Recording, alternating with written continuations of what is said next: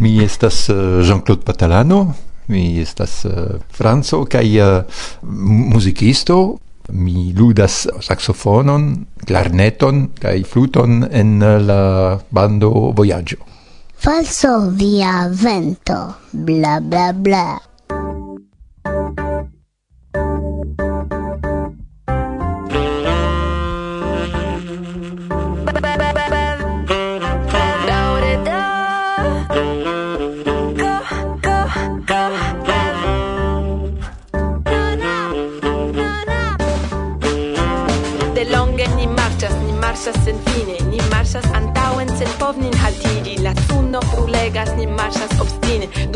obstaclo ni devis forigi. Ni ciui decidis eliri tamen por serci pli sanan kaj pli homan vivon. Ni trovis ancora sufiĉe kuraĝon ni havis feliĉe tre bonan motivon. Ni provis eskapi de niaj turmentoj konstrui esperon rifarbi ĉielon ŝvevis sur vojoj nur nigraj silentoj. Ni trovis nenion eĉ ne unu stelon malbelan futuron decidis la sorto por nia doloro kaj nia laboro. Ni ne atendas ke venos la morto sen bruo sen lukto kaj sen doloro.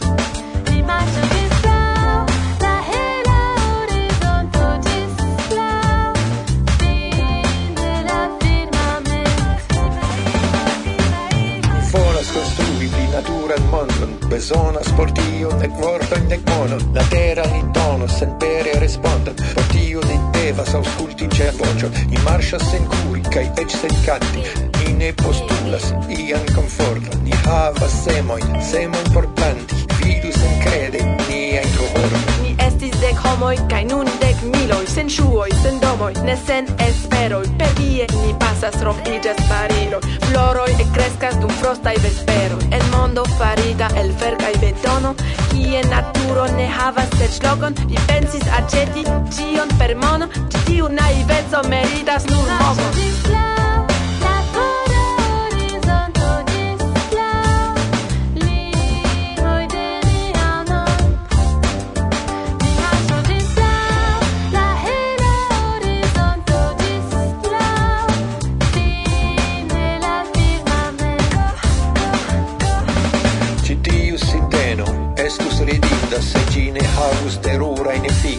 Ni dormas, ni loĝas en mondo troblinda por povi eltiri ĝian radikoj. Ni devas trovi en nia memor la naturajn gestojn de la pasinteco. Estas profunde en la homa koro deziro escapi de sia sclaveco Ni marŝas kaj marŝas, eble sen celo. Ne gravas, ĉu iu konstruis sian muro. Sub cielo pli verda kie brilas nia ŝtelo Ni trovos sendube pli grandan futuron Delonge ni marŝas, ni marŝas senfine Ni marŝas antaŭen, sen povnin haltigi La suno brulegas, ni marchas obstine. Nun jaro, obstaclo, ni devis forigi.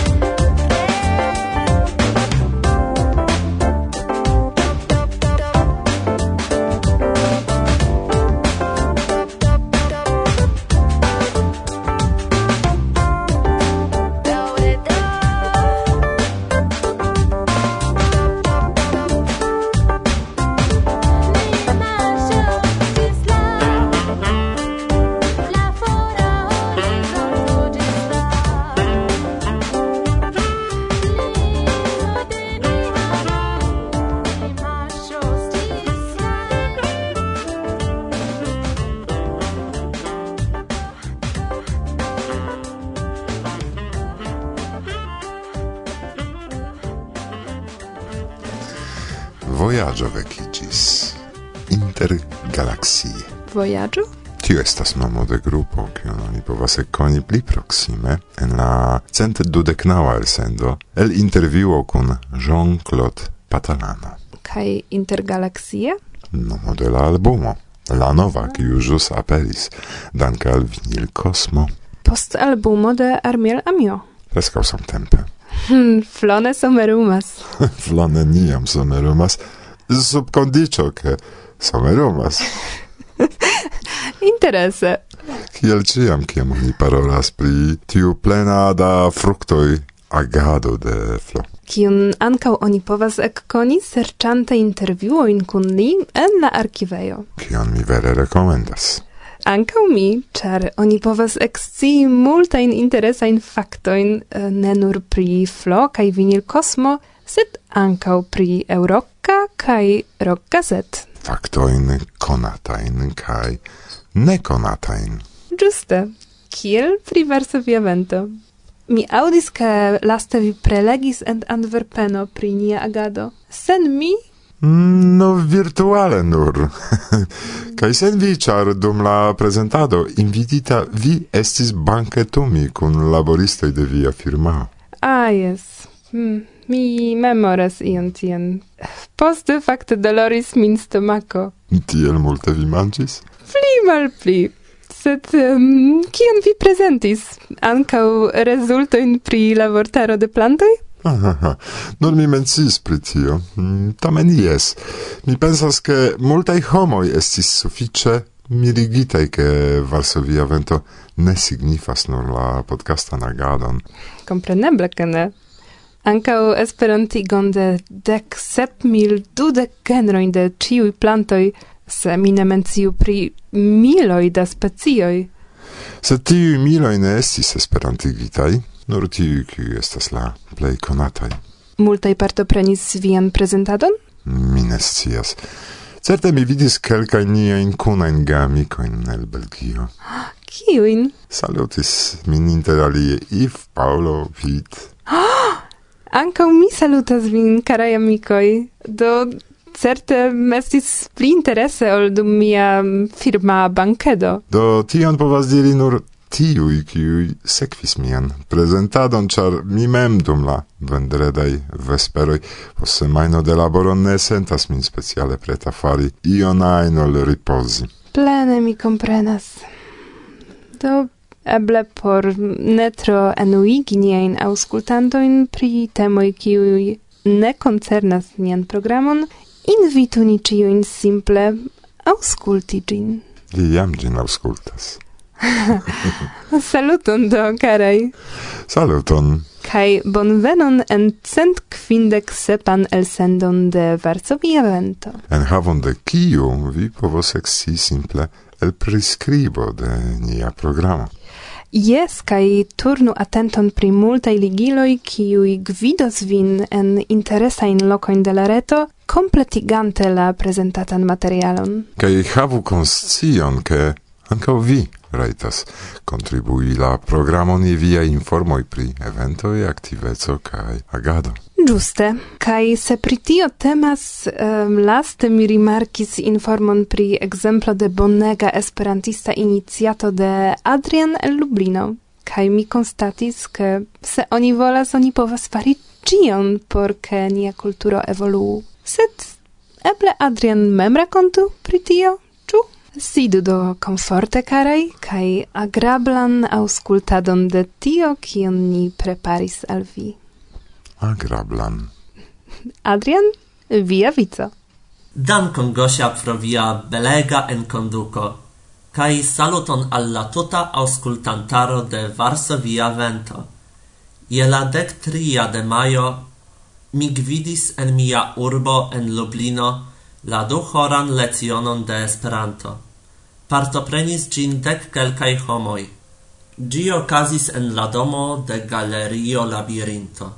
En la loco, quies nomo estas la subterretaggio de Labirinto, en la pola lingvo Pivnica Labirinto. Tio estas la loco kie junuloi povas veni, sidi, cae rencontigi cun aliuloi citie ciu semain fine ocasas ancau diversai eventoi. Cai ciam aperis la opportuno gvidi sian propran eventon, en mia capo ecaperis la ideo de Esperanto leziono. Do, mi contactigis cum la respondezuloi kai jen. Se temas pri tio, kion mi instruis dum la leziono, Do, unue mi iomete racontis pri tio kio estas Esperanto, kio estas Zamenhof, kai kiel Esperanto valoras. Mi ancau rimarkis che la Esperanta pasporta servo aperis pli frue ol la angla couchsurfing. Poste mi montris la basain frasoin exemple saluton, kiel vi fartas, kai tiel plu. Danke alla populara Esperanta canto de bovinoi, miai instruatoi lernis la nombroi de unu gis dec, kai ili tio ecsatis la canton, che ni ancora foie auscultis gin kai cantis Unu bovino mugias mu, kaj tiel plu. Poste cioi eksciis, kiel oni povas paroli pri si de la facto, kio estas oniaj preferataj pronomoi – Miai lernantoj ege interesigis pri tio, ke existas ankaŭ la pronomo ri, kiu prescribas homon sen la informo pri ria sekso.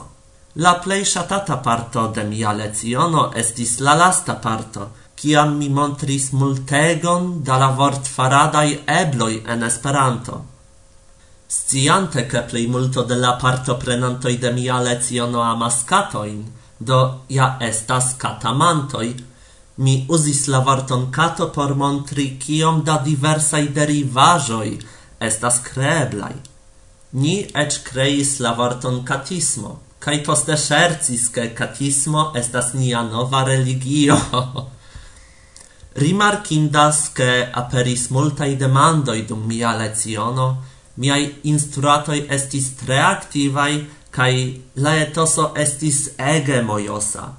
Se iu el la partoprenintoj aŭskultas la podcaston, mi volas danki pro via aktiveco, char la leciono tute ne estus sukcesa sen via partopreno. Mi volas danki ankaŭ al Gosia, Irek kaj Michał, kiuj respondecas pri la subteretaĝo de labirinto, pro tio, ke vi donis al mi la eblecon instrui Esperanton. Mi ŝatus gvidi la plenan kurson de Esperanto ankoraŭ jam je la nuna jaro, por tiui kiuj tre interesigis pri la lingvo, kaj ankaŭ por tiuj, kiuj ne povis partopreni mian lastan lecionon. Mi salutas el Lublino la tutan esperantistaron, kaj se vi volas iam viziti mian urbon, mi el core invitas vin. Gis!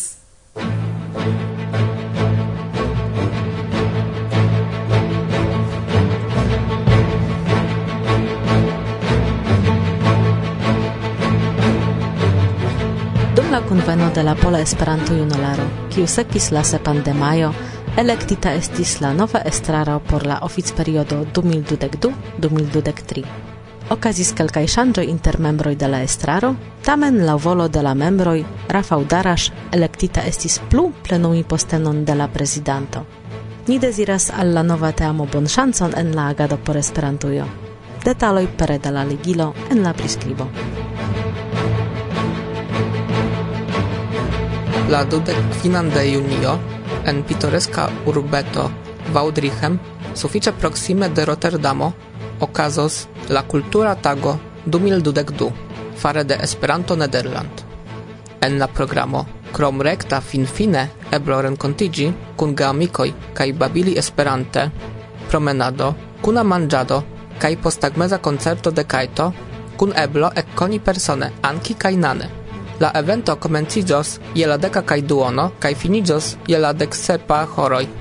Pli da detaloj, ankaŭ informoj pri la kotizo, en la retejo de Esperanto Nederland, kies ligilon vi trovos en la priskribo.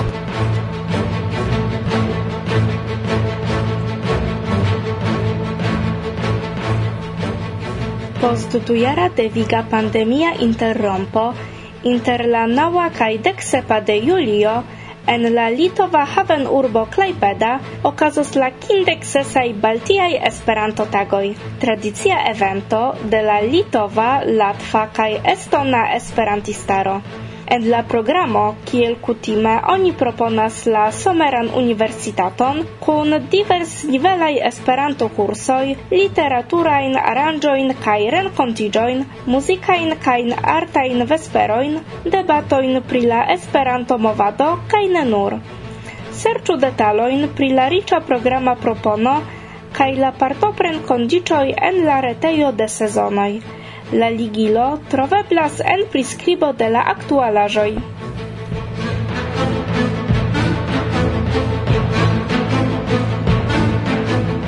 Verdaj skoltoj invitas ĉiujn inter ok kaj dudek aĝulojn al komuna tendumado. La evento estas malfermita. Vi ne bezonas esti skolto, koni Esperanton au esti tendara fakulo por aligi. La organizantoj organizos retajn kunsidojn por kune prepari instaladon kaj eki la temojn. Se vi estas komencanto, aperos bona okazo pli lerni nian komunan lingvon. Kie kaj kiam okazos la evento? La organizantoj luis la lokon ĉe Mustier sus Hambre en Belgio inter la dek unua kaj la dudeka de aŭgusto ili petas vin indiki viajn eblojn en la aliĝilo, kaj vi kune fixos la datojn de la tendumado. Se vi ne scias kio estas verdaj skoltoj, aŭskultu intervjuon kun unu el la ĉefestroj de la grupo en la tria parto de la pasinta cent kvindek sesa elsendo.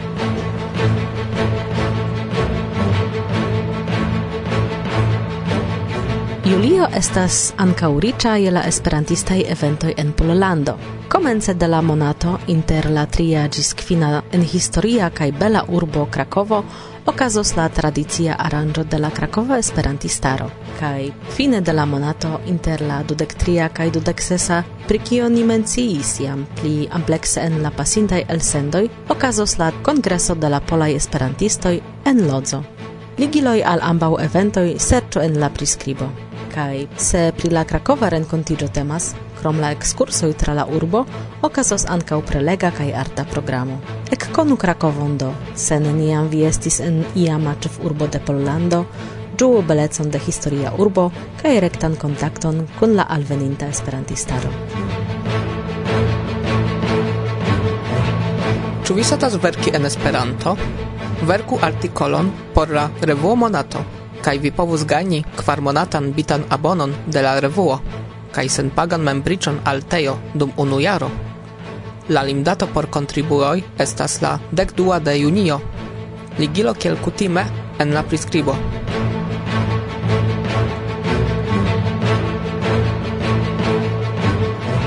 Multaj bonaj novaĵoj por tiuj, kiuj amas legi Esperanto-gazetojn. Multaj gazetoj kai baldau ankaŭ libroj estas legeblai kaj senpage elŝuteblaj el interreto. Danke al la konstanta laboro de retei konstruistoj de paĝaroj Bit Arkivo kaj UEA. Bit Archivo estas kunlaborema komunumo, kiu volas gardi la Esperanto-kulturon por ĉiam. Arkivante kaj disvastigante ĉiujn gazetojn kaj malnovajn librojn en Esperanto. En la pagiaro de Bitarkivo oni archivis jam cent ok e periodajoin kai indexis en havon de nau mil sescent naudec ses numeroi. Kai tiut nombroi kreskas la tutan tempon. Baldau oni planas archivi ancau libroin, podcastoin, kai documentoin, ce ciam funkciantai serviloj. En la retejo de UEA oni povas vidi sen paga tiujn numerojn de la revuo Kontakto ekde 1964 ĝis 2021. Samtempe daŭras la digitaligo de la revuo Esperanto.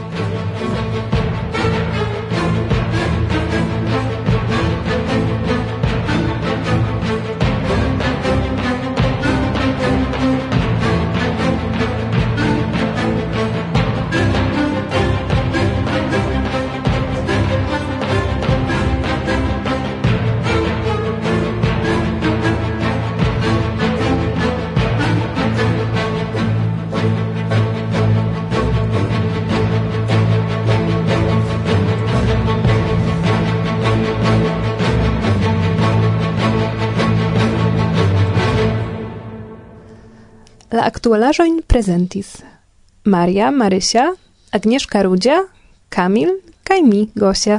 Kolektis ilin Gosia kaj Kamil, kion kontribuis ankaŭ Andris kaj Massimo.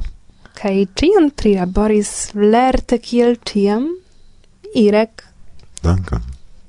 ne dankinde.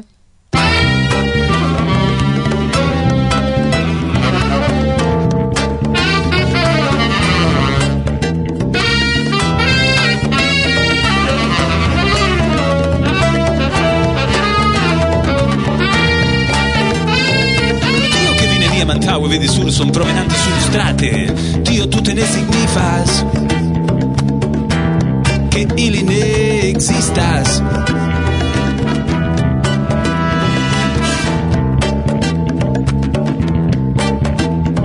Pro tio che vi neniam antaŭe aŭdis la sono de atombombo Tio tute ne signifas. Che ili ne existas.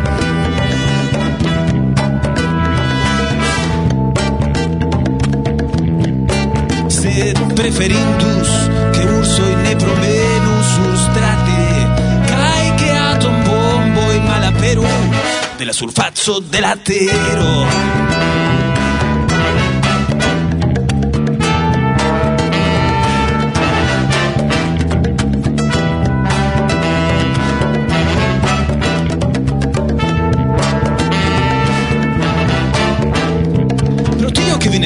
e partoprenis universala en congresso en tio tute ne signifas che ili ne existas.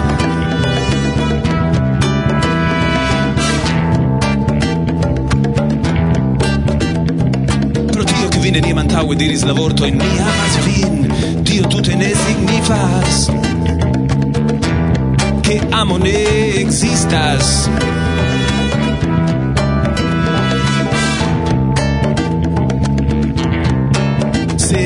ferindus, che vi parto plenu coin kai che vi amo gis malamo malaperos, de la surfazzo de la terra.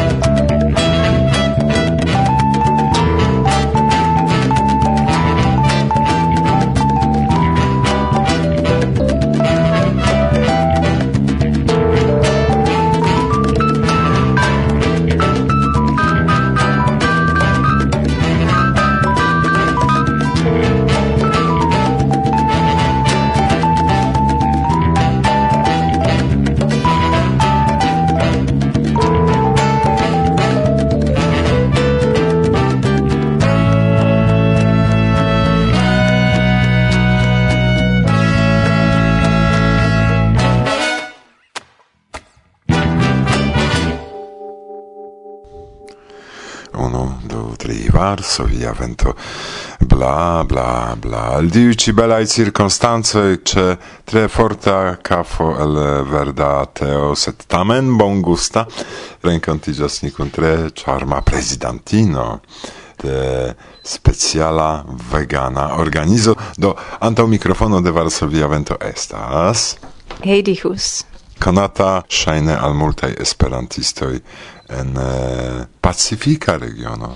Uh, yes, do mi estas eh, uh, conata iom en Indonezio kai Orienta Timoro kai verŝajne jas en najbaraj landoj tie, ĉar mi tie instruis Esperanton, sed tamen jam antaŭ pluraj jaroj. Do eble novuloj ne konos min. Ekde 2009 mi instruis en Indonezio kai ekde 2013 en Orienta Timoro dum pluraj jaroj. Do kiam mi instruis en Iberia regiono Esperanton hispanoin, eh, portugaloin, eh, katalunojn, eŭskojn, mi tute ne havis problemon kaj post tri tagoj fakte ili komencis paroli. Do kiel tiu instruado de Esperanto aspektis tie? Do mi preskaŭ neniam instruis dum pluraj tagoj sinsekve, mi kutime instruis nur du tri fojojn kelkajn horojn kaj eh, poste jam iris al alia urbo, ĉar ĉe la komenco estis eh, grave laŭ mi iri al pluraj urboj por konatigi la homojn pri Esperanto. Char uh, eh, mi ne povis tui trovi homoin qui volus lerni dum plurae tagoi au semainoi kai por trovi kiel eble plej multe da homoj el kiuj eble kelkaj daŭrigos mi iris al pluraj urboj. Do en la unua jaro mi iris al ses urboj en la dua jaro al ok urboj mi aldonis insulojn kaj tiel plu kaj tiel mi ankaŭ um, ekde 2013 por la unua foje iris al Orienta Timoro, kvankam estas alia lando, sed estas en la sama regiono, estas alia insulo, kai uh, eh, mi simple daurigis. Mi speciale eclernis la Portugalan por povi instrui Esperanton en Orienta Timoro. En eh, mia demando estis intenco ankaŭ eh, un problemo in dum instruado vi havis, prononc problemojn, miskompreniĝ problemojn, in problemojn. mixas miksas to kai do do anstatau diri Varsovia vento. Ili diras Varsovia vendo. Kai kiu in tiu in problemo in vi renkontis tie? No fakte la prononco de exemple eh, vocaloi kai teplo esas presco same en la indonesia ol en Esperanto kai do tio jam ne estis granda problemo.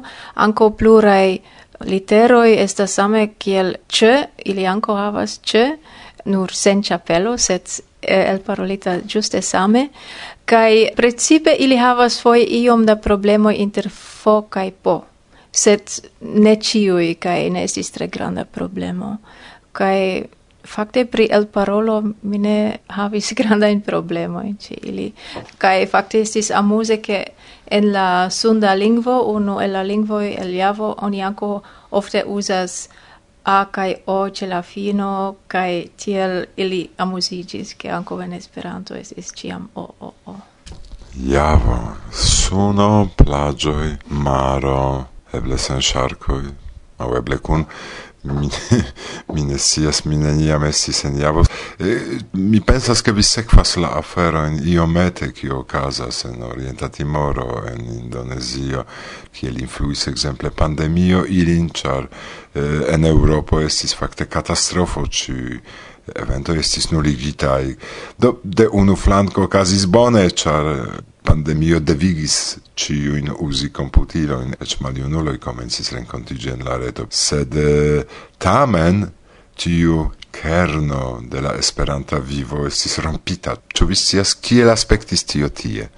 Do generale mi sias per de amikino el en Indonesio che estas tre uh, malfacila situacio pro la pandemio. Homoi perdas sian laboron kaj estas tre malfacile oni ricevas de la ŝtato iom da helpo en la formo de pakaĵoj de nutraĵoj, sed ne estas freŝaj legomoj tie, estas rizo kun eh, bestetoj, uh, estas malfacile por homoj kiuj ne havas iun ŝtatan laboron aŭ io tia por simple travivi tion tempon kai oni audas multain ambulanzoin kai tiel plu kai ne credas la oficiala in ciferoin pri la nombro de mortoi Javo precipe estas insulo kun ege multe da homoj, e estas tre dense populata kai estas simple malfacile teni distanzon kaj tiel plu certe en domo oni havas malgranda in domo in loĝas kun pluraj generacioj ne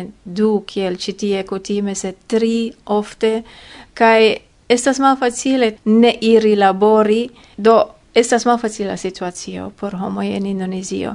En Orienta Timoro ne estas tioi grandai eh, popol amasoj, set um, ehm, Anco ne facilas, sed mi vidis che en Orienta Timoro oni esas tre ege singarda, ec homoi kioi ancora raitas veni al Orienta Timoro, exemple pro laboro, cae tiel plu, devas dum la flugo porti tutan protectan vestagen, kiel um, flegistinoi en la malsonuleioi. Ili estas tute sprucigitae por disinfecti ilin anto ol eniri la landon, fakte. Do eh, oni estas tre singarda kaj mi scias ekzemple en Orienta Timoro ke la esperantistoj havas malfacilaĵojn kunveni ĉar estis uh, malpermesoj relate al tio. Kaj in tiun circunstancoj ne estas facile okupiĝi pri Esperanto, kompreneble. Jes, certe tio malfaciligas la aferon, se ekzemple en Facebook mi vidis ke estis iu novulo kiu vere volas aktivi kaj li komencas scribi en Facebook, sed kun multaj eraroj, ĉar preskaŭ neniu instruas al li, ĉar ja ne eblas kunveni, ne eblas instrui, kai la reto costas multe tie, ne estas facile simple havi uh, rete lezionoin. No, mi sendis eh, podofon libron, ke li almeno lernu per de tio. Sed almeno ili estas uh, activa ili provas ancora conveni, sed malfacilas. Ili havas grupon en WhatsApp, kai ili havas uh, grupon en Facebook, kai provas ion fari, sed malfacilas. Reclamo. Ciu ankaŭ vi volas esti informita pri la monda novaĵoj en flua actuale Esperanto? kai legi raportojn pri politico, pri scienzo, economio, culturo, kai multe pli? do petu senpagan provexempleron. La contact adreson de Monato vi trovos en la priskribo.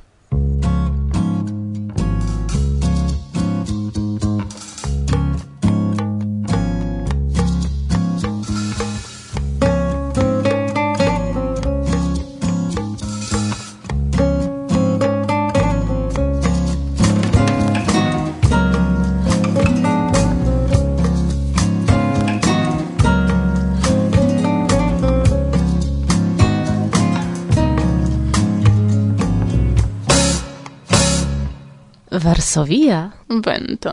Bla bla bla.